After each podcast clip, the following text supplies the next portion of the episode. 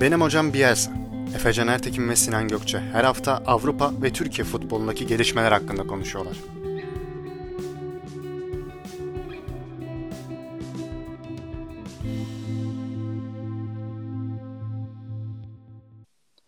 Benim hocam Bielsa'nın 36. bölümüne hoş geldiniz. Bugün özel bir konuğumuz var. Hazırda Euro 2020 yaklaşırken özel bir bölüm kaydedelim istedik sizin için. Ozan Can Sülün bizimle Sokrates'ten ve Eurosport'tan tanıdığınız. Abi hoş geldin. Hoş bulduk selamlar. Hoş geldin abi tekrardan bir de ben de diyeyim. Hoş evet. bulduk. Eyvallah. Sinancım da burada. Sen de hoş geldin Sinan. Teşekkür ediyorum efendim. Geçen programlarda seni biraz arka plana atmıştım ama. Evet abi yapıyor böyle şeyler. Konuk gelince beni biraz benim tanıtımım böyle hani promosyon tanıtımına benziyor. Canı sağ olsun. Tanıtımı şey sen yap. Daha mantıklı değil mi? Abi şimdi yeter spor basınının parlayan yıldızı var orada. Bana düşmez Estağfurullah. Diyor. Yok. Yok canım. Olur mu öyle şey? O zaman çok şey yapmadan hemen konumuza geçelim. Euro 2020 malum önümüzde. Turnuva hazırlıkları da var zaten. Dolu dolu içerikler de geliyor. Her bir taraftan takip ediyoruz. Ee, abi senle başlayalım. Ee, nasıl bekliyorsun turnuva? İlk sana bir hissettirdiklerini alalım istiyorum. Ne ya diyorsun? ben hissettirdikleri bakımından e, şeye biraz e, yakınsıyorum. Euro e, 2008 en son işte his, böyle hissettiğim bir turnuvaydı. Ee, bir de işte Dünya Kupası 2002. Dünya Kupası 2002 çok özel. Hani benim hayatımda gördüğüm en e, iyi turnuvalardan bir tanesi. O da şeyden dolayı ilk kez katıldık, ilk bir heyecan yaşadık. Biz vardık falan. E, Euro 2008 malum zaten çok deli bir turnuvaydı. E, bir ara hatırlarsınız. E, dinleyenler de hatırlar. Hani milli takımla hepimizin arası biraz bozuldu. E, biraz sevimsizleşti işler falan. Oradan sonra takımın buraya gelmiş olmasına da inanmıyorum ben. Yani hani bu kadar iyi toparlanmış olmasına da inanamıyorum. İlişkimizin bu kadar düzelmiş olmasına da inanamıyorum. Bununla beraber tabii hani sadece Türkiye üzerinden görmemek lazım. Ee, benim işte çalıştığım ikinci turnuva olacak bu. Dünya Kupası e, 2018'de de Sokrates'te e, çok fazla iş yapmıştık her gün. E, bu da öyle. E, ama bu kez şey yani Dünya Kupası'na ben iş olarak bakmıştım. Yani ne kadar e, keyif alıyorsam da sonuçta işti. E, bu kez böyle hem keyfini çıkaracağım bir şey hem e, yoğun çalışacağım bir şey gibi görüyorum ki e, yani turnuva hem işte fazlaca e, favorisi olması itibariyle, fazlaca bilinmezi olması itibariyle e, bayağı heyecanlandırıyor beni. Anlamadığım şeyler var. İşte onlara da belki değiniriz. Mesela işte bu kadar fazla yolculuk nasıl yapılacak? Neden bu kadar fazla yolculuk yapılıyor böyle bir dönemde? Kesinlikle. İşte e, yani ne bileyim e, çok e, büyük sürprizlere gebe gibi duruyor turnuva büyükler açısından. Çok başarısız performans çıkaracaklar olabilir. Değin, değiniriz belki detaylı. E, bir bilinmezlerle dolu heyecanlı bir dönem gibi özetleyebiliriz herhalde. Valla çok güzel söyledin ya. Yani her şeyi çok iyi özetledi aslında. Bizim için tekrar böyle bir herkesin milli takıma sarılma turnuvası gibi bir şey oldu. E, inancımız da var. Grupta da yani buraya kadar da çok iyi geldik. Peki abi ben sana biraz buraya girmeden yani bizim tarafa geçmeden aslında ya Fransa ile ilgili bir şeyler sormak istiyorum. Hı hı. Ya çok iyi abi kadro. Yani mesela kafamda dün düşündüm sorarken dedim ki acaba İngiltere'nin kadrosu mu daha e, hazırlıklı turnuvaya yoksa Fransa'nın mı? Bu konuda ne düşünüyorsun bir onu merak ediyorum. Yani pozisyon pozisyon baktığında hangisini daha turnuva kadrosu gibi görüyorsun? Bir de Fransa'nın ya bir sende Twitter'da paylaştığın bir U21 kadrosu var. O bile bu turnuvada belki underdog olabilecek bir kadro.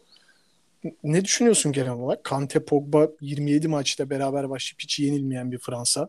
Yine şampiyonluğun bir numaralı adayı herhalde. Ya öyle hani turnuva kadrosu olarak baktığın zaman zaten hani bir önceki turnuvadan baktığın zaman ne kadar turnuva kadrosu olduğunu orada gösteriyor aldığıyla. Aldığı kupayla beraber. Ve bununla beraber e, hiç bozulmamış bir kadrodan bahsediyoruz. Yapılan çok üst düzey eklemeden bahsedebiliriz. O kadro zaten gençti. Bu kadroya geldiğimizde yani çok fazla işte yaşlı bir oyuncudan bahsetmek mümkün değil. İşte mesela Belçika çok büyük favori deniyor. Belçika'nın savunmasına baktığında hepsi 32-35 yaş arasına geldi savunmanın.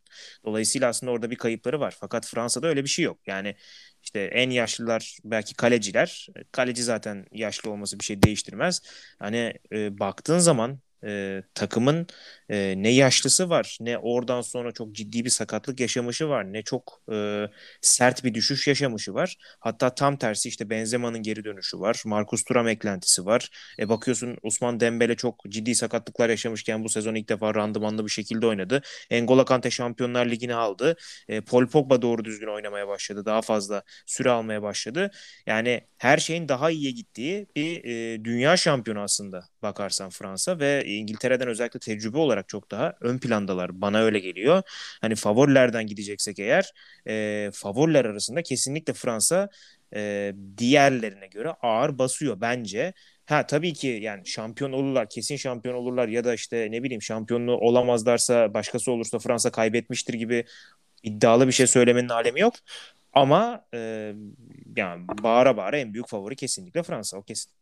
Efe sen ne diyorsun? Sen bir de Ciro hayranı da olduğunu biliyordun. Ciro ile ilgili de şimdi galiba Fransa milli takımının en çok e, maça çıkan 5. ismi oldu bu şeylerle hazırlık maçlarıyla beraber. En çok gol atan beraber. ikinci oldu bir de. Yani Değil en mi? çok gol atan 40, 45, 45 mi 46 mı oldu? 46 oldu. 5 gol kaldı Henry'e. Yani rekoru kıracak.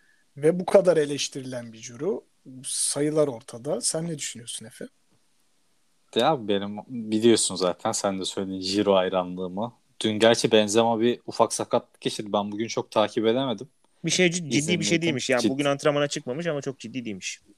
Yani yok sevindirici. Yani Benzema'yı da uzun zaman sonra görmek sevindiriyor. Yani ne kadar bir Giro hayranı olsam da o Fransa kadrosunu tamamlayacak. Gerçi yani Giro da yaptıkları 2018 Dünya Kupası'nda aslında o kadro için ne kadar değerli olduğunu da gösterdi. Zaten attığı gollerde işte Andre'ye yaklaşması da e, ayrı bir e, ne kadar değerli bir oyuncu olduğunu gösteriyor.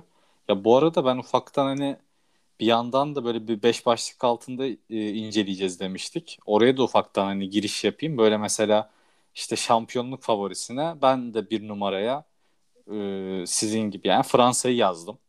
Ya bence net bir net hani Dünya Kupası'nda hem kadro olarak da geniş bir kadroyla geliyorlar.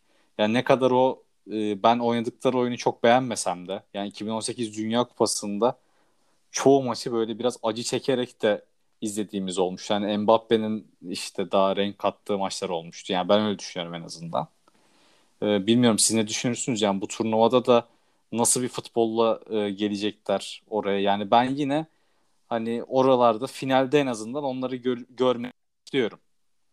Ee, ama tabii nasıl olur, nasıl gider turnuva onu da bilmiyorum. Size de burada hani şampiyonluk favorisi ya da sizin favori takımınız da Fransa'nın yanına ekleyeceğiniz bir takım var mı? Öyle sorayım. Pası öyle atayım. Ee, yani şöyle Fransa zaten hani oyununu çok değiştirmedi ve hani her zaman savunmanın aslında turnuva kazandığı e, söylenir. Yani her şeyi kontrol eden bir takım baktığında. Yani işte maçı kontrol ediyor, oyunu kontrol ediyor, skoru kontrol ediyor, turnuvayı kontrol ediyor. Kontrollü oynamayı hiç bozmadılar ve e, ya bu eleştirilse de mesela sonuçta eğer son iki turnuvanın birinde final birinde işte şampiyonluk. Doğru. E, dolayısıyla hani hakikaten e, bu şeyi kırmak, onları psikolojik olarak kırmak ki biz bunu yaptık yakın zamanda. Çok kolay bir şey değil. E, ben İngiltere ikinci sıraya ya Belçika ile beraber ikinci ve üçüncü sıraya yazarım. E, sonrası bilmiyorum. Yani şöyle söyleyeyim nedense işte Portekiz mesela çok bocalayarak geldi gibime geliyor. Ee, özellikle son işte Mart'ta oynanan maçlar. Almanya zaten çok garip bir evet durumda. Ya. İspanya çok e, düş, yani çok genç bir kadro. Aşırı genç bir kadro ve bence çok fazla geniş olsa da çok aslında eksiği olan. Yani şey nicelikten çok niteliği olarak eski, eksik gördüğüm bir kadro. İtalya mesela çok çok iyi bir takım bence. Yani son dönemin e, en sağlam toparlayan ülkelerinden bir tanesi oldu. E, ama ya bence bu sonralıklı saydığım takımların hiçbiri işte Fransa 1, hani Belçika 2, İngiltere 3 kadar ikna edici gelmiyor bana. Ya Doğru. ben size katılıyorum Fransa'da. Benim sadece şey ya rotası çok zor. Finale giden yolu inanılmaz engebelerle dolu ve Fransa'yla da karşılaşma ihtimali var. Ama ben İngiltere'ye çok inanıyorum bu turnuvada. Yani artık İngiltere için başarının gelebileceği turnuva olduğunu düşünüyorum. Çünkü yani abi sen de anlatıyorsun zaten maçları. Efe ile biz de burada çok uzun sürede konuştuk. Yani kadroda herkes belki de top seviyesine yakın bir dönemde geliyor. acayip bir Phil Foden var mesela. Savunma hattı dedin ki savunma turnuvalarda şampiyon yapar. Bir savunma da çok acayip. Ya bir Luke Shaw izledik. Herhalde kariyerinin en iyi sezondur. Ne düşünüyorsunuz bilmiyorum ama Transfer Nasıl- yaptığı sezonla beraber herhalde en iyisi. Değil mi? Değil mi? Değil Doğru. mi? Kesinlikle. Yani benim iki, iki numaram İngiltere'm, üç numaram da Portekiz olur. Yani İngiltere'yi de uzun uzun konuşuruz belki. Portekiz dememin de nedeni biraz orada Cristiano Ronaldo faktörüne inanıyorum ben aslında. Çünkü son iki büyük turnuvası ve yine son ana kadar elinden geleni yapacaktır. Takım da ona inanılmaz güveniyor ve inanıyor. Ya Ruben Diaz falan da inanılmaz formdayken ben Portekiz'den de bir ufak sürpriz bekliyorum açıkçası. Ama İngiltere hakkında görüşlerinizi de vallahi merak ediyorum. Yani şöyle e, abi sana pas atmadan şöyle bir ekleme yapayım ben de Portekiz'le alakalı. Ya Ronaldo mesela onları favorilerden ya zaten son şampiyon ama favorilerden biri olarak göstermemizin sebebi de aslında Ronaldo'nun burada ciddi yardımcıları da var artık. Yani Bruno Fernandes gibi bir gerçek var. Yani ne kadar milli takımda ikinci plana atılsa da Ronaldo'nun türü çok doğal olarak yani Manchester United'ın net bir şekilde iki sezondur taşıyıcısı olmuş durumda bir Jota oyuncudan var. bahsediyoruz. Yani Jota var doğru. İşte Joao Felix var. Bu sene Atletico ile şampiyonluk yaşadı. Ruben Dias var. Savunmada net bir e, belki de Pepe'den sonra ciddi bir bayrak adam olabilecek. Yine Evet, formda iyisin. bir Cancelo var orada. Yani evet Portekiz de hiç yani yani sadece Ronaldo deyip geçeceğimiz bir kadrodan da bahsetmiyoruz aslında. Ee, ona da öyle bekleme yapayım. Yani İngiltere için de zaten artık herkes e, belli bir seviyeye ulaşmış. Ya İngiltere'de sağ bek rotasyonunu görünce ben bir bayağı bir dumur oluyorum hala. Ee, ya Abi oradan uç da sıkıntılı ki kim oynayacak? Nasıl dizecekler yani? Var mı Tabii sana- kafanızda bir şey? oradan pas atalım. Ben şeye katılıyorum Portekiz'e bu arada e, İngiltere'ye geçmeden ama e, ya Portekiz'in oyun konusunda ya kadro konusunda herhangi bir sorunu yok. Oyun konusunda bir sıkıntısı var gibi ve hani çok kitlenebiliyorlar E, ki hani dediğim gibi Mart'ta bunu gördük ama yani takımda hakikaten yok yok yani her türlü oyuna e, mukabil bir ekip. Ama İngiltere konusunda hakikaten dediğiniz gibi e, bir yani ön taraf çok çok sağlam. Ee, ön taraf yine her türlü ihtiyacı karşılayabilecek bir ön taraf. Ben mesela şeyi biraz düşünüyordum. Ee, Trent e, sakatlanıp e, takımdan ayrıldıktan sonra acaba bir orta saha daha alır mı diye düşünüyordum. Fakat bunu yapmadı. O biraz enteresan geldi bana. E, çünkü hani Rice Henderson, Phillips, Mount, Bellingham e, merkezde hani oynayacak oyuncular arasında. E, ben White'ı mesela oraya katması bana enteresan geldi. Bir başka orta saha almak yerine. E, ama yani e, mesela şey e, Carragher'la Neville konuşurken çok önemli bir şey demişlerdi. Benim de çok dikkatimi çekti. Bu takımın en iyi oyuncusu kim diye sordu işte e, sunucu. E, orada şey e, Gary Neville Maguire dedi. Ya işte şey beklersin atıyorum. ne dersin işte Harry Kane beklersin. Harry Jadon Kane. Sancho. Ne bileyim yani e, her şeyi beklersin. İşte Raheem Sterling falan. Phil Foden sürpriz olarak beklersin. Dedik yani e, Harry Maguire. E, Harry Maguire bugün sakatlandığı anda dedi e, ikna edici, lider bir savunmacı yok dedi. E, dolayısıyla o hakikaten e, enteresan geldi bana. Mesela Harry Maguire'ın da zaman zaman çok bocaladığı böyle baskıya e, baskıyı kaldıramadığı falan dönemler oluyor.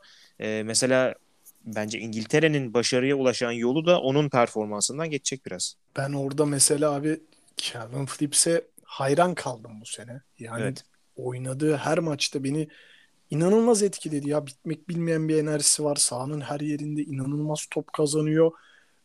Ama şimdi yani önünde Henderson, Declan Rice ikilisi varken muhtemelen şans da bulamayacak. O biraz benim için bir ufak üzüntü oldu ama yani yapacak da bir şey yok gibi onun için. Ben oynayabileceğini düşünüyorum. Şöyle yani e, Southgate aslında e, bu sezon başından bu yana işte Leeds'in buraya gelmesiyle işte Premier Lig'e gelmesiyle beraber Calvin Phillips'i sürekli aslında oynattı milli takımda. Fakat hani büyük turnuvada e, nasıl bir yola gider? O tabii önemli bir soru işareti. Bir de e, şey de enteresan. Yani takımların son e, hazırlık maçlarında ideal 11 görmekte çok e, zorlandık. Çünkü çok ideal forvetler oyun e, ideal e, takımlar çıkarmak yerine hani e, ya şunu da bir göreyim belki Evet. onu 11'e alırım gibi düşüncelerle hep çıktılar.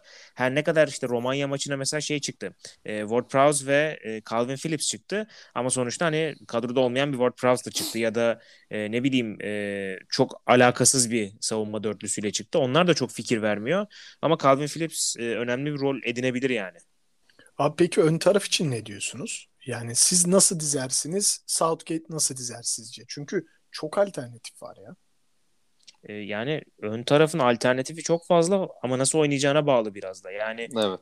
mesela son Romanya maçında olduğu gibi eğer dörtlüyle çıkarsa e, o zaman Kane en uçta ve arkasını işte Jadon Sancho, Marcus Rashford, e, Grealish gibi dizebilir. E, üçlü oynarsa çok daha farklı yani 3-4-3 oynarsa çok daha farklı. E, çift forvete dönerse mesela Kane Sterling'i çok fazla bozmayı sevmiyor çünkü Sterling'in o araya e, yaptığı koşulları işte çok iyi değerlendiriyor Kane. E, Jadon Sancho'yu oynatmak için mesela e, kanat forvet sistem yani 3 hani kenarlarda e, sağda ve solda kanat forvet benzeri e, bir sistemle oynaması lazım. Ama yani bu şeyde de zaten artık son dönemde takımların bir tane oyunu yok hiçbir turnuvada. E, bir maç planı var, ikinci maçın planı var, üçüncü maçın planı var. E, daha fazlası tabii ki. Yani dolayısıyla ben e, İngiltere'nin mesela grup aşamasında tamamen aynı taktik diziliş ve aynı zamanda işte aynı 11 ile devam edeceğini hiç düşünmüyorum. Ya Evet bir de olabilir ya ileriye dönük. ya bir de şöyle İngiltere'nin ilk maçı Hırvatistan'la. Yani o da direkt test maçı. Yani direkt hani Tabii. 1-2 dediğimiz takımlar. Ya böyle maçlar kötü. Şimdi bir yandan oradan milli takıma da geçmek istiyorum aslında burada. Hani İtalya maçıyla başlayacağız biz de. Yani İngiltere'de Hırvatistan maçıyla başlayacak. Ya bu maçta gelen bir galibiyet inanılmaz bir havaya da sokabilir takımı. Ya da yani son iki maça hani üçüncünün de çıktığı bir tabii turnuvadan bahsediyoruz ama yine de kafada soru işaretleriyle de götürebilir grubun diğer maçlarına. Yani İngiltere bir şekilde gruptan çıkacaktır ama e, Evet, orada İngiltere galiba son 5 e, turnuvada ilk maçını kazan kazanamamış. Yanlış hatırlamıyorsam öyle bir şey görmüştüm bugün de. 4 beraberlik bir mağlubiyet galiba yanlış hatırlamıyorsam. Belki Onlar- yanlıştır. onlar da bizim gibi o zaman. Aynen, aynen. sonradan sonradan şutmayı seviyorlar. o medyadan gelen e, şeylerle sonradan Ciddi bir açılma gerginlik ya ilk maç Evet, yani evet. hele mesela işte cuma günü mesela ben hani çok isterdim futbolcu olmayı ve milli e, ya bir turnuvada işte milli takımda oynamayı falan ama ha şeyi istemezdim ya. Şimdi şu an düşünüyorum. Cuma günü bir tane maç var açılış maçı. E, turnuva 5 yıldır bekleniyor. Evet. E, geçen sene ertelendi. Yani şu an şey gibi ya. ha, bütün dünya beni izleyecek. Yani ben nasıl performans vereyim? Ya ben o bir de genç. Mesela İtalya da genç. Bu sefer İtalya milli takımı Evet. da genç. E, mesela açılış maçında çok fazla hata olma ihtimalini ben e, yüksek görüyorum. Bana çok garip gelmez yani çok fazla işte defansif hataların olması ya da ne bileyim e, tecrübesizlikten doğan sıkıntıların yaşanması. Çok ciddi bir baskı olacak herkesin üstünde. Ben Ee, o peki- yüzden daha Heh. kontrollü bir maç bekliyorum ya bu arada. Hafif Olur, milli tabii, takıma da olabilir. geçtiysek Evet. yani ben Evet evet geçelim, böyle bir dinleyenlere ufak da bahis tavsiyesi de gibi olursa ben çok gollü geçeceğini düşünmüyorum maçın abi. Yani böyle Evet, hata yapmak istemeyecektir iki takım. Çünkü kaybet, kaybeden için sıkıntı olur mu? Ya tabii ki olur. Dünyanın sonu değil ama kaybetmek istemeyecektir bence iki takım. Hem biz hem İtalya. Ya ben kesinlikle katılıyorum. Ee, ya mesela e, maç çok uzun süre kilit giderse son yarım saatte e, çok risk alabilecek bir durum olacağını da düşünmüyorum. Çünkü şöyle bir şey var. E, kabul edelim ki hani mantıken baktığımızda İtalya 1, Türkiye ikimsi, İsviçre e, ikimsi 3, e, şey e, Galler grup sonuncusu gibi dizilen bir grup kağıt üstünde.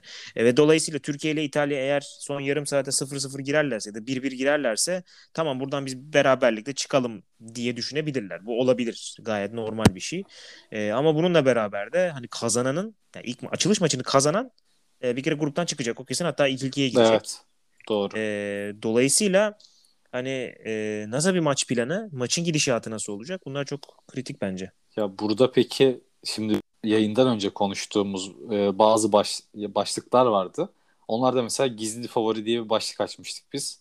Ya ben oraya Türkiye'yi yazdım. Ya ne kadar da gizli bilmiyorum gerçi de.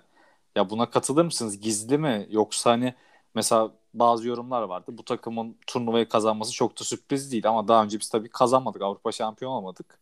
Yani Yok bu takımın yani bu takımın turnuvayı kazanması çok büyük sürpriz canım yani evet, çok büyük sürpriz. Yani çünkü şöyle en iyi 5 takımdan biri değil bu. Yani Doğru. en iyi 5 takımdan Doğru. biri değilse sürpriz e, olur. Sürpriz olur. Yani şöyle diyeyim. Dediğim gibi işte ilk üçümü saydım. Hani ilk üçten sonrasına Portekiz'i koyarsın. E, biraz aşağıya şeyi iliştirirsin. Sonuçta e, İspanya, İspanya'dır yani. E, onları iliştirirsin. Onların üstünde bitirirsek. E, mesela Almanya'ya elenmek Almanya'dan daha aşağıda bitirmek çok belki bold bir e, cümle olacak. Beni şaşırtır. Çünkü Almanya çok kötü durumda. Ama bu takımın şampiyon olması da çok şaşırtır beni yani.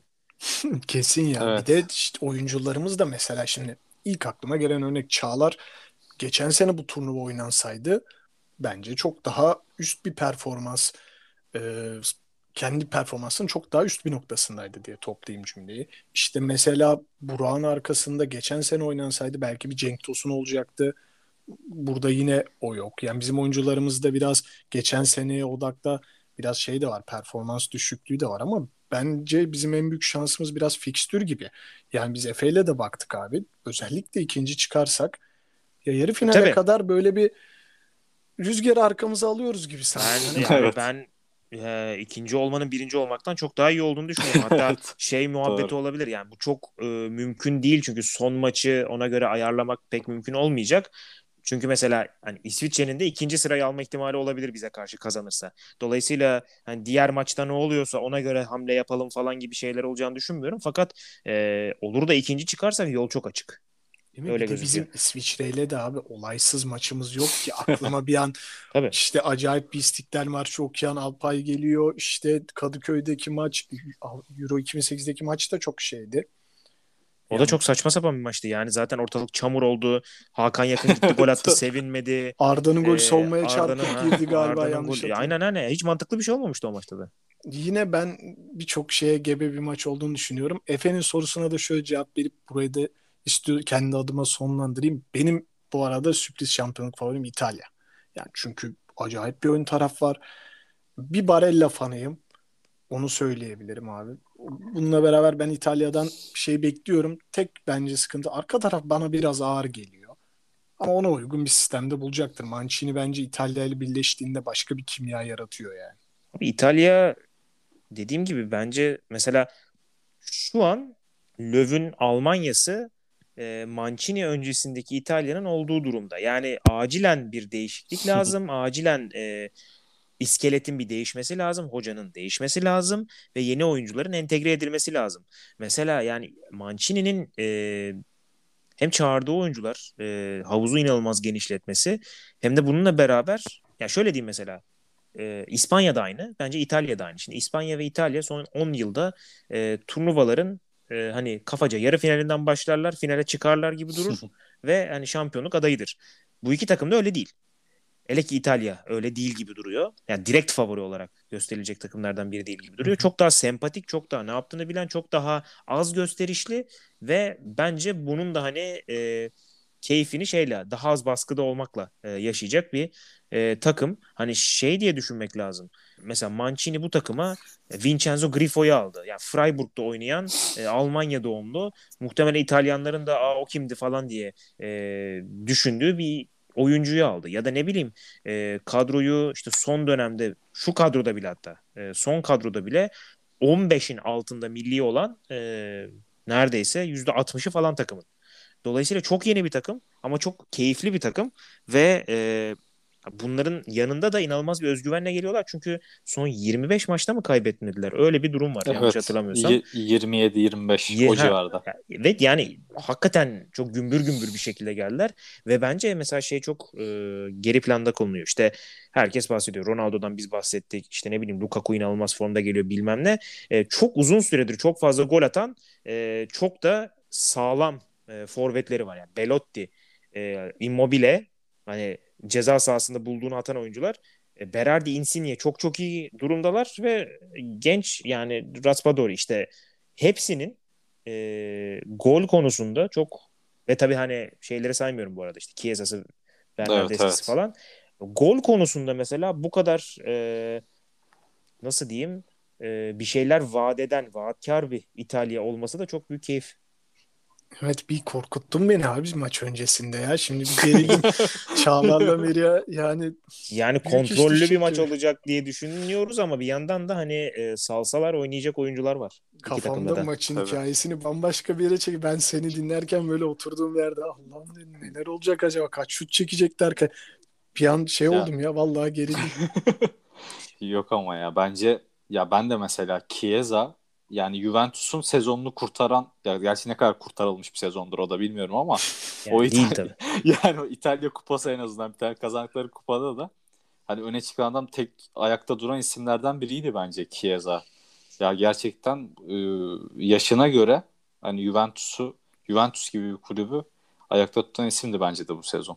Bizim Öyle biraz etti. şansımız bu bugün okudum Beratti galiba İsviçre maçına kadar evet, yok. Ferhat o biraz o bizim işimize gelir gibi. Bir. Bana öyle geliyor. Yani orta sahayı Verratti'nin Verratti'nin olmayışı evet çok önemli. Yani e, mesela kontrollü oyun için e, Verratti'ye ihtiyacı var bu takımın. Çünkü e, şeyde de gördük mesela e, Fransa'yı biz bozarken e, özellikle orta sahaya nefes aldırmamıştık. O nefesi alabilecek oyunculardan biri aslında Marco Verratti. Kesin kesin. Evet katılıyorum. Bizim için çok önemli oldu ya bu Verratti'nin işi. Ama bence çıkarız abi biz bu gruptan ve istediğimiz gibi ikinci çıkarız gibi geliyor. Sadece yani mesela Galler, bir şey, Galler de korkutuyor beni. Ya bu Galler beni o kadar korkutuyor. Ben şey diyeyim. E, şampiyon olursak çok şaşırırım. Gruptan çıkamazsak daha çok şaşırırım ama. Evet ya. Ben de çok şaşırırım Aynen ama. öyle. Yo, ben bayağı üzülürüm bu arada. Yani ya. in, in, ben evet ya şöyle diyeyim. insanlar zaten hani psikolojik olarak çok e, iyi durumda değiller bir buçuk yıldır. E, yani hani Türkiye kaldıramayabilir bu kadar beklenti sonrasında gruptan çıkamamayı. Doğru. Umarım yaşamayız. O zaman takımlar üstünden konuştuk. Yani biraz oyunculara da girdik tabii ama bir diğer başlığımıza geçeyim. E, bu turnuvada hani böyle e, biraz parlamasını beklediğiniz artık gerçi öyle bir şey de çok kalmadı yani hani turnuva oyuncusu dediğimiz ama şöyle diyeyim takip edeceğiniz yaşı da hani görece genç transfer yapmasını beklediğiniz bir oyuncu var mı böyle biri? Ya çok var aslında. Biz hatta e, Sokrates'te bununla ilgili seri yaptık. Bana da şey geldi. E, Lozek geldi. Adam Lozek. FM'cileri iyi bilir. Evet. Tabii FM'cilerin hakikaten e, bayağı tanıdığı isim zaten. Yani tanıtmaya gerek yok onları ama hani tanımayanlar için de yani kim bu çocuk diyebileceğim birisi. Ne kadar süre alır mesela bilmiyorum. Ee, sıkıntı o. Yani evet. bu tip oyuncular için hep aynı şey söylenir. İşte faktör olabilir ama hani ne kadar süre alacak? Çünkü 18 yaşında. Ee, mesela onu ben bir çeyrek gözle izleyeceğim. Çekya çok hani e, öyle merak ettiğim bir takım değil. Merakla beklemiyorum ama hani izleyeceğim diyebilirim. Ee, şey mesela tabii Phil Foden'ın mesela nasıl bir rol alacağını bilmiyorum. Yani Manchester City'de oynayan oyuncuya dikkat edelim işte ne bileyim transfer yapar tabii ki demeyeceğim ama ben mesela Phil Foden'ın şu ana kadar İngiltere milli takımında sahip olduğu bir rol yok doğru düzgün. Fakat e, öyle bir hava yaratıldı ki mesela işte bugün de e, saçlarını boyatmış e, gazla muhabbeti evet. yapıldı aynen, falan. Aynen. Yani tam bir şey oldu gene. E, İngiltere bir tane genç oyuncu buldu. Onun üzerine baskı kuracak medyasıyla beraber. Öyle bir noktaya geldi. Ben mesela onu ayrı bir gözle izlemek istiyorum. Ha bununla beraber de tabii e, ben biraz şeyciyim böyle underdogcuyum aslında. E, diğer e, hani oyuncu bazında. Mesela Avusturya'da Sasha Kalajic var. E, bu sene benim en keyifli anlattığım oyunculardan bir tanesi. E, Stuttgart'ın garip sisteminde e, en uçta çok acayip bir performans çıkardı Sasha Kalajic ve e, hakikaten çok yetenekli bir oyuncu. Yani 2 e, metreye yakın e, fakat sadece yukarıdan değil aşağıdan da inanılmaz şeyler yapabilen ve e, çok formda bir oyuncu ki e, onu izleyecek olmamın sebebi de şu. Bir, grup çok garip. Yani bence Hollanda felaket bir şekilde geliyor evet turnuvaya. Ya. Ukrayna ve Avusturya 1 ve 2 olabilecekler gibi duruyor. Böyle bir ihtimal var gibi. E, ve diğeri de Kuzey Makedonya. Yani o yüzden e, Sasha Kalajdzic'in performansıyla Avusturya'nın performansı paralel gidecek. İyi işler olursa da Sasha Kalajdzic mesela kesinlikle Premier Lig falan yapabilir. Sinan sen ne diyorsun? Abi bir kere Kalajdzic'te gönlümü aldın. ya ben bu sene herhalde işte Türkiye'de desteklediğim takım dışında en çok izlediğim takım Stuttgart'tır. Ben de acayip bir Wamangituka hayranıyım. onu, onu o, da, o da neler yaşadı ya. Son evet çocuk biraz sıkıntı yaşamış ama neyse bir yaş olduğu için herhalde Menajer çok tepki kurbanı. çekmedi. Ya işte onları da bilemezsin ki abi arkasında ne var ne yok. Öyle menajer kurban çocuk da mutsuz falan dediler ama ya Stuttgart zaten çok acayip bir takımdı. Ee, ama dediğin gibi Kalajic de orada çok önemliydi.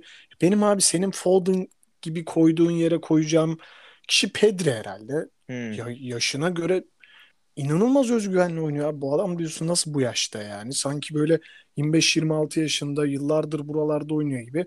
Ama ne oranda sahada kalacak ya da ne kadar sahada olur bilemiyorum ama Pedri'yi çok merak ediyorum. E diğer tarafta Hollanda'da da herhalde yine aynı şekilde ne kadar süre alacağı hakkında çok net fikirlerim olmayan bir Gravenberg var. Hmm, aynen. Onu da merak Evet. ediyorum. Kuzey Makedonya grubunda da abi ben tekrar bir yeniden Türkiye'den de tanıdık olan bir Elif'i bir ayrı gözlü izleyeceğim Elif Elmas'ı. Çünkü Ya onun zaten- içinde İtalya'da çok haber var. Tabii ya bir de şey hani o takımın e, oynayan e, oyuncusu bir işte Pandev yani 150 yaşında hala takımı sürüklüyor. E, bir de ona yardımcı tek oyuncu var zaten baktığın zaman. Enis Bardi de Ee, fena değil abi orada rol olarak ya.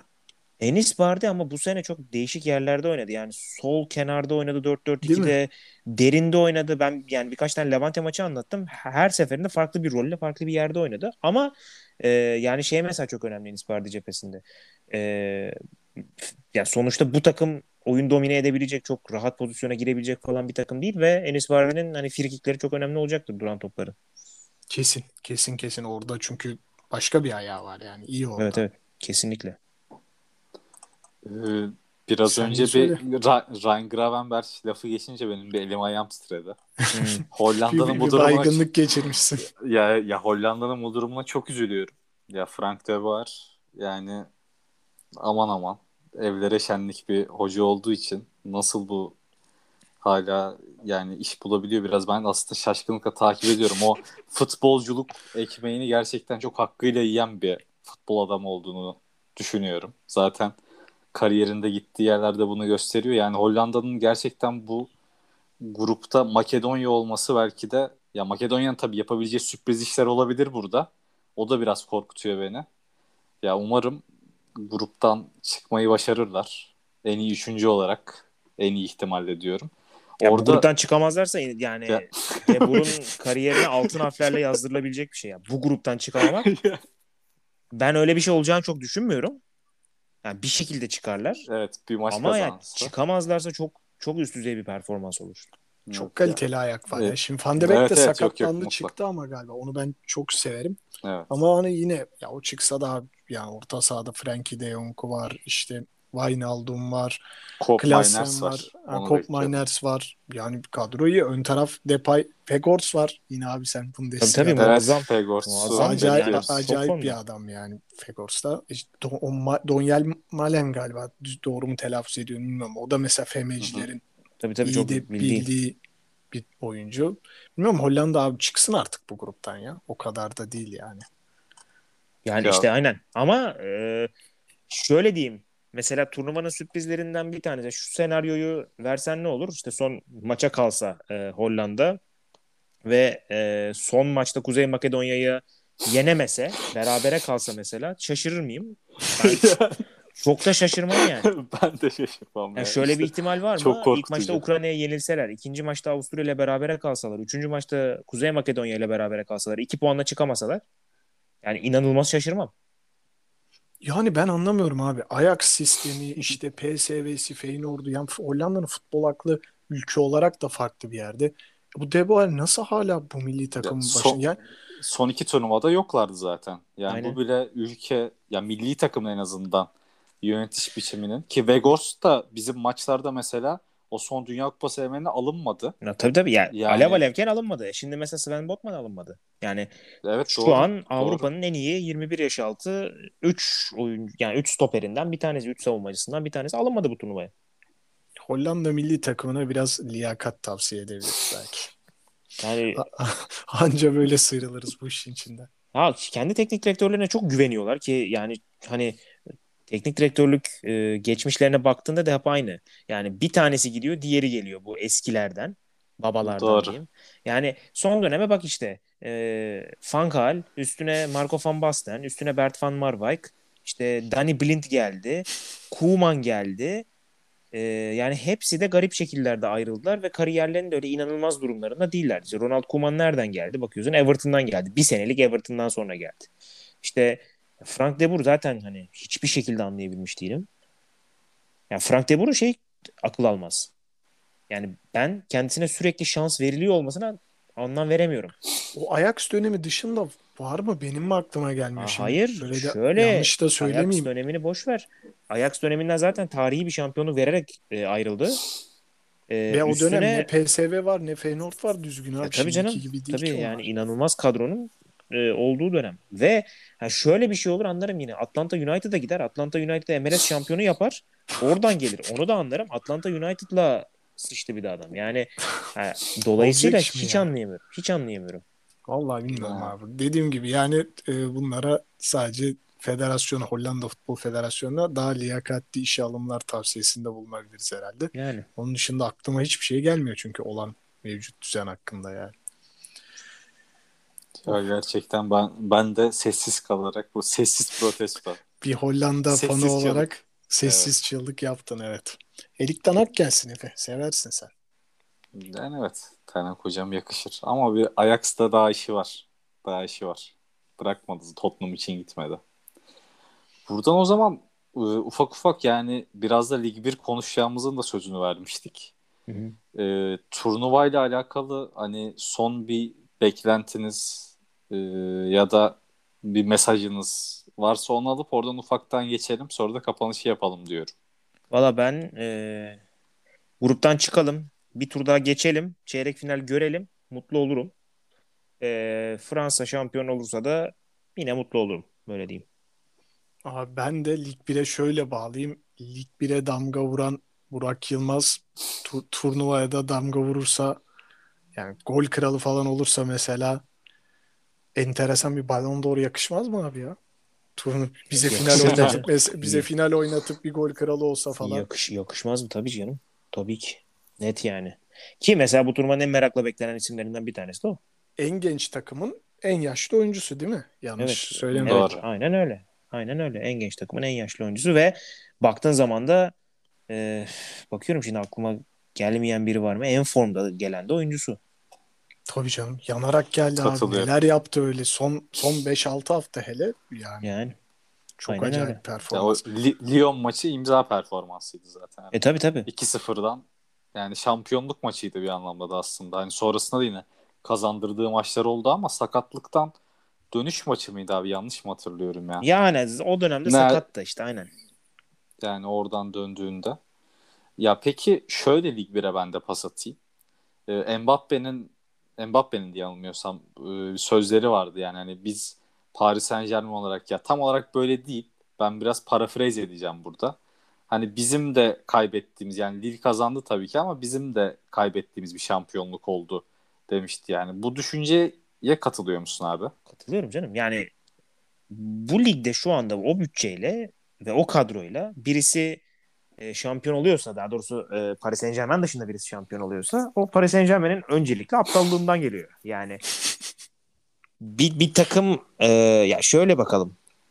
Paris Saint Germain'in e, sırayla yolladığı iki teknik direktör iki Avrupa Kupası'nı kazandı bu sezon. E, Paris Saint Germain'in e, kurduğu kadroda e, oluşan deliklerden dolayı en kritik maçlarda mesela e, Bakker oynadı sol bekte. E, bununla beraber işte çok e, nasıl diyeyim inanılmaz e, bütçe döktükleri, para döktükleri Neymar bu sezon 30 maç oynayabildi. E, yani böyle olduğu zaman de Mauro Icardi mesela sıfır performans alınabildi. Yani Icardi'den 13 gol almayı beklemiyorlardı şimdi kabul edelim. Ondan 20 atar diye şey yapıyorlardı. E, bir süredir e, arka plana atılan ve hani bir şekilde belki hani yollanmaya çalışılan Di Maria yine sezonun en iyilerinden bir tanesi oldu. Üstüne oyuncu alınsa da. E savunmaya bakıyorsun. E, Marquinhos bir stoper oynuyor, bir ön libero oynuyor, bir işte sağ beke geçiyor falan. E, bir yanda şeysiz kalıyorlar. İşte Mönye gidiyor mesela. Florenzi kiralıyorlar. Yani sanki böyle son anda akıllarına geliyor da bir şey yapıyorlarmış gibi takım kuruyorlar. Ve bunun sebebi de tabii büyük ölçüde şey.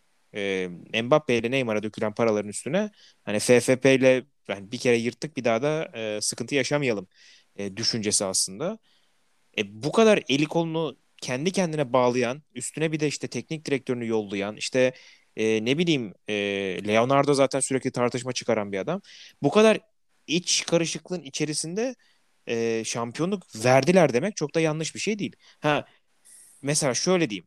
Seneye Paris Saint Germain dışında herhangi bir takım favori olarak çıkacak mı? Hayır. Niye? Çünkü ben gelecek sezon Paris Saint Germain'in oynadığı 38 maçın 12'sini kazanamayacağını asla düşünmüyorum. Ama evet bu bir kere olacak ha, bir şey. Ama e şimdi Pochettino gitmek istediğini söyledi. Leonardo tutmaya çalışıyor. E, sezon ortasında bir teknik direktör daha değişmeyeceğinin garantisi yok. Kesin. Peki transferler abi? Şimdi Donnarumma bitti diyorlar. 12 milyon euro maaş 5 senelik sözleşme. Raiola böyle avuçlarını birbirine sürüyordur herhalde şu an. Yani Hakimi ya, konuşuluyor. Ha mesela ha, ama Hakimi galiba Chelsea e, tarafına yönlenmiş diye okudum ama en son bilmiyorum tabii o da olabilir. Yani mesela Hakimi'ye çok ihtiyaç var. Ha, ya sağ bek şu anda işte Florenzi muhtemelen dönecektir. E, ama yani Colin Dagba var. E, Tilo Kehrer orada oynuyor. Tilo Kehrer bence bu seviyenin oyuncusu değil yani kötü bir oyuncu bence. Paris Saint Germain'in olmak istediği seviyenin bence uzağında bir oyuncu. Ama mesela şeyi düşünüyorsun işte Donnarumma tamam e, 22 yaşında bedava bir kaleci. Akıl almaz bir şey. Ama Keylor Navas'ın kariyerine bakıyorsun abi. Real Madrid'de üstüne Kurtuva'yı alıyorlar. Adamdan kurtulmaya çalışıyorlar. Dü- dünyanın zirvesindeyken. Bu sezon bence dünyadaki en iyi 5 kaleciden biri performans anlamında. Yine e, üstüne bir tane bir numara alıyorlar. Yani hakikaten bunu da anlayamıyorum çok. Yani Biraz işte... Haaland için yol mu yapıyorlar peki abi? Rayola'yı yani Mbappe Haaland bir arada oynatabilirler mi bilmiyorum ama Mbappe'yi Rayola'yı... tutabilirler mi? Ya o da var tabii sözleşmesi de bitiyor seneye. Ya Mbappe'nin işte bana şey gibi geliyor. Yani Mbappe'yi tutmaya çalışmak için e, ona bir şeyler veriyorlar. Hani şey olarak e, para olarak değil hani mental olarak bir e, havuç veriyorlar gibi bana da geliyor. Ama mesela Mbappe'nin hem işte röportajlarını okuduğunda hem e, kariyer gelişimine baktığında çok bunları sallayan bir oyuncu olduğunu düşünmüyorum. Yani e, gitmek istiyorsa Mbappe'nin kalma ihtimali yok. Yani e, gel bak alanda alıyoruz deyince Mbappe'nin Paris Saint Germain'de kalacağını ben düşünmüyorum. Tabii bir de abi şimdi gidecekse gitmesi lazım. Öbür türlü para kazanamayacaksın hiç yani. Ve dünya yüküyle para verdin. Bedavaya kaptırmak çok acı verici olur diye düşünüyorum. Aynen öyle. Vallahi bilmiyorum. Şimdi işte o Moise Keane'i bir sene daha kiralayacaklarmış. Bugün okudum biraz. İşte Xavi Simons genç çocuk var biliyorsun. Enteresan bir şey. Saçlar, evet, evet. Saçlar, tarz bir şey yani o da. Aynen. Onun da sözleşmeyi uzatacaklarmış. Böyle biraz geleceğe yatırımı bugün bugün mü dün mü 2003'lü bir tane daha oyuncu aldılar hatta. Şimdi ismini de hatırlayamadım yanlış bilgi de vermeyeyim. Ama dediğin gibi bir daha 13 maç kaybeder mi? Bence de kaybetmez ya. Çok zor artık abi. O... Ya bir de şöyle bir şey var enteresan nokta. E, takım çok kötü transferler yapıyor. Mesela Hesse diye korkunç bir transfer yaptılar. İşte Sarabia mesela bu sene belki biraz oynadı ama geldiğinde çok felaketti. Parades'ten hiç istediklerini alamadılar. Draxler'den alakası o. Ya yani Draxler'in e, beklentisiyle yaptığı şey hiç alakalı değil. E, ve bunların yerine mesela akıl almaz altyapılarını kullanmak yerine o akıl almaz altyapıdan oyuncuları e, o FFP'den kaçmak için bonservisle satmayı düşünüyorlar. Bu da bence akıl almaz bir aptallık. Yani e, mesela şöyle diyeyim Hese'yi almak yerine ki bayağı iyi bonservis verdiler. E, şu an Leverkusen'de oynayan Diaby'i oynatmamak e, ya çok olacak iş değil. Yani. Ha, yani dolayısıyla e, şu e, marka ya da ne bileyim amblemcilik e, bana garip geliyor. Yani sürekli işte e, Paris Saint Germain konuşulsun transferi yapmak, e, parlayanı almak sürekli falan bana çok saçma geliyor. Abi öyle yapıyorlar. Şampiyonlar Ligi'nde orta sahada evet. Danilo oynuyor ondan sonra. Yani, yani. bir tarafı bir şey, bir tarafı bir şey. Peki böyle bir iki transferle daha şey, Lyon e, Damien da Silva'yı aldı. Free. E, Denayer'i de değerini bulursa turnuva sonrasında satmayı düşünüyorlar. Orada yine Barcelona'nın yanına yaşça büyük bir stoper daha koydular. Bu konuda ne düşünüyorsun? Böyle bir iki seriden transferleri de olan ya da olmakta olan şeyleri de konuşalım ben de istedim. orada şeyi de sormak istiyorum ya. Hoca da değişti tabii. Evet. Rudi Garcia. Ondan bahsedeceğim. Evet. Ben ondan başlayacaktım zaten. Ya şöyle e, an, ya Jean-Michel Aulas zaten garip bir başkan. Ee, biraz böyle Türk başkanlara da benzeyen bir başkan. Özellikle son dönemde yani sürekli işte ga- yaptığı garip açıklamalar. Ya şey, şey demişti en son hatırlıyorum işte üçüncü bitirdiklerinde en son e, Paris Saint Germain, Katar, Monaco, Rus e, biz tek Fransızız. Şey, Fransa şampiyonu biziz falan gibi saçma sapan bir şey söylemişti. son dönemde bu kafada adam. E, ve şey çok saçma. Yani e, ben inanılmaz severim oyunculuğunu. Benim en sevdiğim oyunculardan biri de Juninho. E, fakat hem işte son dönemki tercihleri hem üstüne bir de şey e, Rudi Garcia'nın ayrıldıktan sonra yaptığı açıklamalar e, orada çok başarılı olmadığını ve e, çok iyi bir yönetici olmadığını gösteriyor. E, onun tercihi Peter Boş oldu ve Peter Boş benim e, en yani çok sevmediğim isimlerden biridir. Yani e, her takımına inanılmaz başlar. E, dikkat edin yani Ajax'ta e, çok üst düzey bir Evet. sezon. Sonrası yok. Avrupa Ligi finali yaptı. Aynen. Sonra Aynen Ne Borussia Dortmund yani? sonra yok oldu. Borussia Dortmund'a gitti. Borussia Dortmund'da tarihi bir başlangıç yaptı. 8 maç falan gol yemeden başladı. Sonra kovuldu aynı sezon. Bayer Leverkusen ilk sezonu çok iyi. ikinci sezonu ortalama. Bu sezon yani rezalet ötesiydi. E, dolayısıyla adamın yani istikrar problemi varken e, hani şey mi düşünüyor acaba? O ilk sezondan yararlanıp Lyon'u işte ilk üçe sokar Şampiyonlar Ligi'ne götürürüz diye mi düşünüyor? Bilmiyorum ama çok garip bir tercih gibi geldi bana. Kesin ya. Galtier de anlaşamadı Fransa'dan biriyle. Onunla ilgili de Everton dedikoduları var. O Ancelotti'den boşlanan koltuğa. Yani Galtier'e inanılmaz saygı duyuyorum. Sadece bu sezondan dolayı değil. Zirvede bırakma olgunluğu gösterdiği için de. Yani Lille'den başka bir şey olmayacak. Lille anca şampiyon olabilir. Ve Lille şampiyon oldu. Ha. Lille'le yapabileceği başka herhangi bir şey yok. Ve mantıklı bir şekilde ayrıldı. Yani helal olsun hakikaten. Bana biraz ileri görüşlülük gibi geliyor abi. Çünkü şimdi Lille bana biraz dağılacakmış gibi geliyor E, tabii şimdi. canım. Evet. Tabii yani. Ve dağılan Biliyor. kadroyu da toplamakta tekrar şimdi şampiyon takımda başarısız olacağına e şimdi baktı takım zaten dağılıyor. E ben de buradan başarımla beraber ayrılayım demek dediğin gibi hem mantıklı hem ileri görüşlük bir hareket yani. E, tabii tabii. Aynen öyle. Aynen öyle. On, onlar da kale Main, ya söyleyemiyorum ben. Manya. Ma- Maynan, Ma- Manya, Manya. diyor, Manya. Menyem. İki, Manya. iki Fransızca bilen insanın yanında böyle biraz rezil ettik kendimizi ama Livakovic'i. Livakovic'i düşünüyorlarmış kaleye onlar da. Abi mesela yani şey olacak. Yani işte atıyorum Simon Botman bir sezon daha kalacak dendi ama hani giderse muhtemelen yerine koyacakları biri vardır kafada. Çünkü çok uzun süredir Lille böyle işliyor. Yani Lille sadece bu sezon işte Burak'ı almak gibi bir e, nasıl diyeyim transfer başarısı göstermiyor son dönemde. İşte David'i alıyorlar. Atıyorum Renato Sanchez'i mesela çok düşüşteyken aldılar ama alıp geliştireceklerini biliyorlardı. Ya da ne bileyim e, Sumaro mesela bu sezon e, Sumare pardon. Müthiş Sumare mesela çok abi. acayip Benim de oynadı. FM'den çok sevdiğim bir topçudur. O Ya çok Zeki. Çelik'i ikinci ligden aldılar. Evet yani ya. dolayısıyla şey yok. E, yerini dolduramayacakları bir oyuncu yok. Muhtemelen herkesin ya liste hazırdır. Gidenin yerine konacak. Fakat eğer 6 kişi giderse ilk 11'den kimi koyarsan koy ilk sezon sorun yaşayacak. Kesin. Kesin. Kesin. Onu da gördü ve doğru zamanda bence şey yapıyor Galtier'de. Aynen öyle. Yani evet orada hoca da belli olacak. Bazı belirsizlikler var. Bu arada e, ufaktan sona yaklaşırken Monaco ve Marsilya'nın da biraz son durumu hakkında konuşalım istiyorum. Biri Monaco Kovac'la e, iyi bir çıkış yakalamış. Sezonda iyi bir noktada bitirdiler. Evet. E, San Paoli Marsilya'da bir şeyler gösterdi mi? Yani ben çok e, o dönemi izleyemem açıkçası. Biraz senden de dinleyelim abi. Beklentilerin nedir önümüzdeki sezon için? Ya e, şöyle söylemek lazım. Marsilya değerlendirilebilecek bir kulüp değil çok uzun süredir. Yani mesela öngörü kurmak mümkün değil. Yani Marsilya nasıl devam edecek? Nasıl bir kadroyla gidecek? Ya başkan işte eski şef scout şu anda başkan. Yani e, Pablo Longoria nerenin şef scoutuydu hatırlamıyorum da yanlış hatırlamıyorsam İngilizlere scoutluk yapmış bir e, isimdi. E, en son hatta e, Valencia'da falan böyle e, scoutları ayarlayan falan elemandı. 3 sene sonra Marsilya'nın başkanı oldu mesela. İşte e, Tovan mesela e, en yıldız oyuncu Meksika'ya gitti Meksika'ya Yani ya o kadar garip bir kulüp ki yani şey mesela işte ne bileyim e, taraftarlar stada alınmazken tesis basıyorlar falan.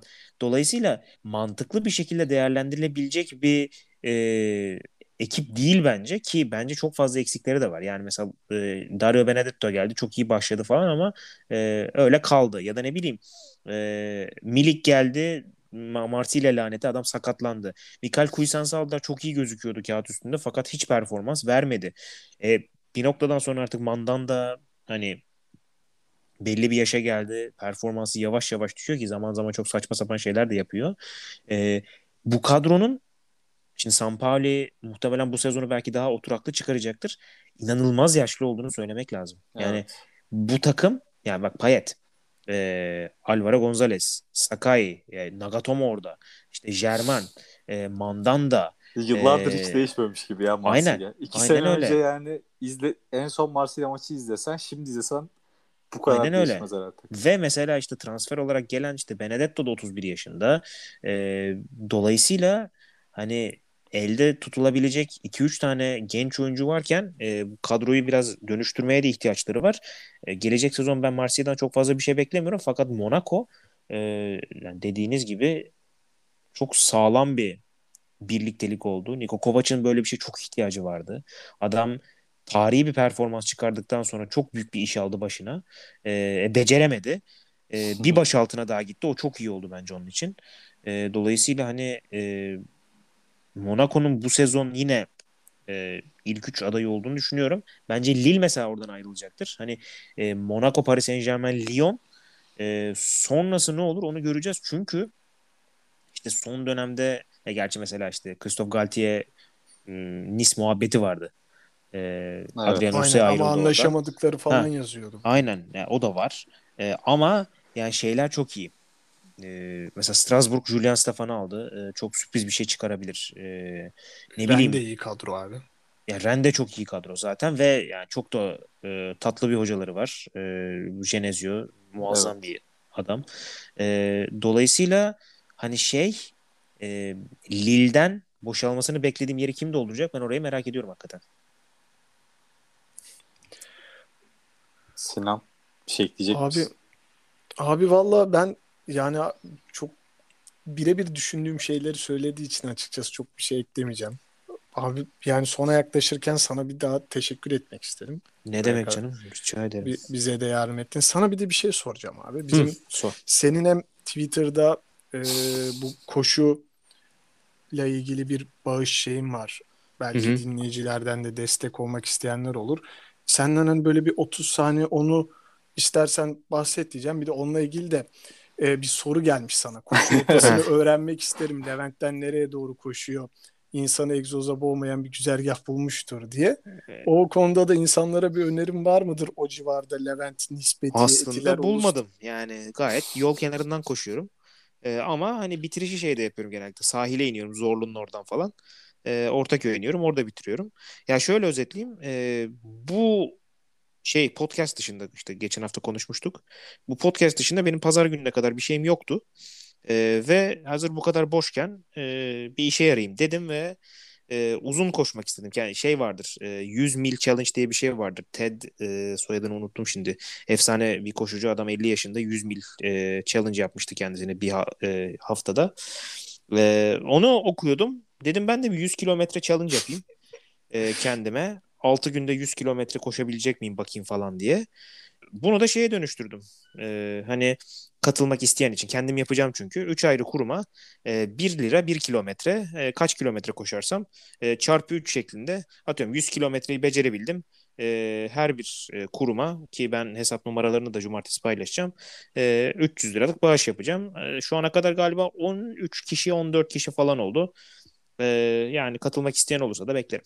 Teşekkürler abi. Buradan hem şeyin de e, duyurusunu da yapmış olalım isteyenler için. Evet. Sonuçta önemli bir şey bu Hı-hı. tarz etkinliklerin içerisinde bulunmak ve bunların farkındalığını arttırmak. Vallahi tekrardan teşekkürler. Teşekkür Sizin ederiz. Ağzınıza sağlık ikinize de. Ben teşekkür ederim. Ağzınıza sağlık. Ağzınıza Davet sağlık. ettiğiniz için de teşekkür ha. ederim tekrar. Ne demek abi. Her Yine zaman. bekleriz abi inşallah. Turnuvadan Şeyde, sonra. Turnuvadan da, sonra gelir olur tabii. Turnuvadan sonra ya da Lig 1'de sezon başında yine bir daha geniş transferler belli olunca takımlar daha profilleri ortaya çıkınca Aynen, yine sezon program başı, yapmak isteriz. Ön bakışı gibi tabii ki. Sana bir böyle seni zora sokacak bir lig tahmini yaptırtırız. Ya, Olmazsa da artık derler işte bak yaptı hani Fransa Ligi kurusuydu da Fra- tutmadı. Fransa liginde yaptığım o yorumlar tutuyor genelde ya. Ötekiler tutmuyor. Evet o Lyon hangi maçtı senin 3-2 İşte skor- Lyon Lille maçı değil mi? 3-2 Değil mi? O 2 maç, kırmızı aynen. kart. Aynen. Abi Bir şey demiyorum. Bu zaten senin senin bu programa dair özetin olsun ben bunun üstüne artık laf söylemeyeyim. Eyvallah. O zaman programı kapatalım. Ee, Ozan Can Sülüm konuğumuzdu. Hem Euro 2020'yi konuştuk. Ufak ufak üzerinden geçtik takımların. Hem de Lig 1'de sezon özeti ve önümüzdeki sezon daha takımlar belli olmadı tabii ama biraz e, neler beklediğimizi konuştuk. Dinlediğiniz için teşekkürler. Görüşmek üzere. Hoşçakalın. Hoşçakalın.